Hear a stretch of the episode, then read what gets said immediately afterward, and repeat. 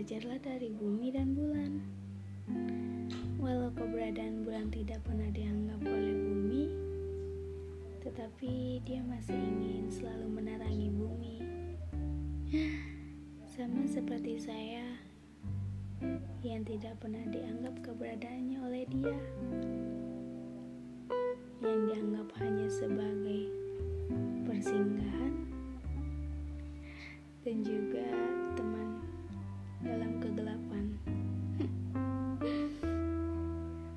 Saya tidak pernah membenci siapa pun dia dan sama siapa pun nanti dia. Saya hanya minta kepada Tuhan agar selalu terang seperti bulan dan selalu disekelilingi oleh bintang-bintang seperti sahabat dan orang tua. Dan yang pasti,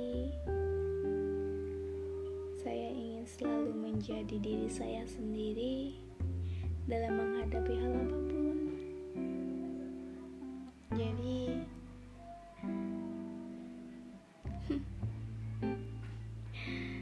saya tidak pandai dalam berbahasa, dalam berbahasa maupun berbicara. Saya hanya ingin mengungkapkan seluruh kehidupan saya di podcast ini.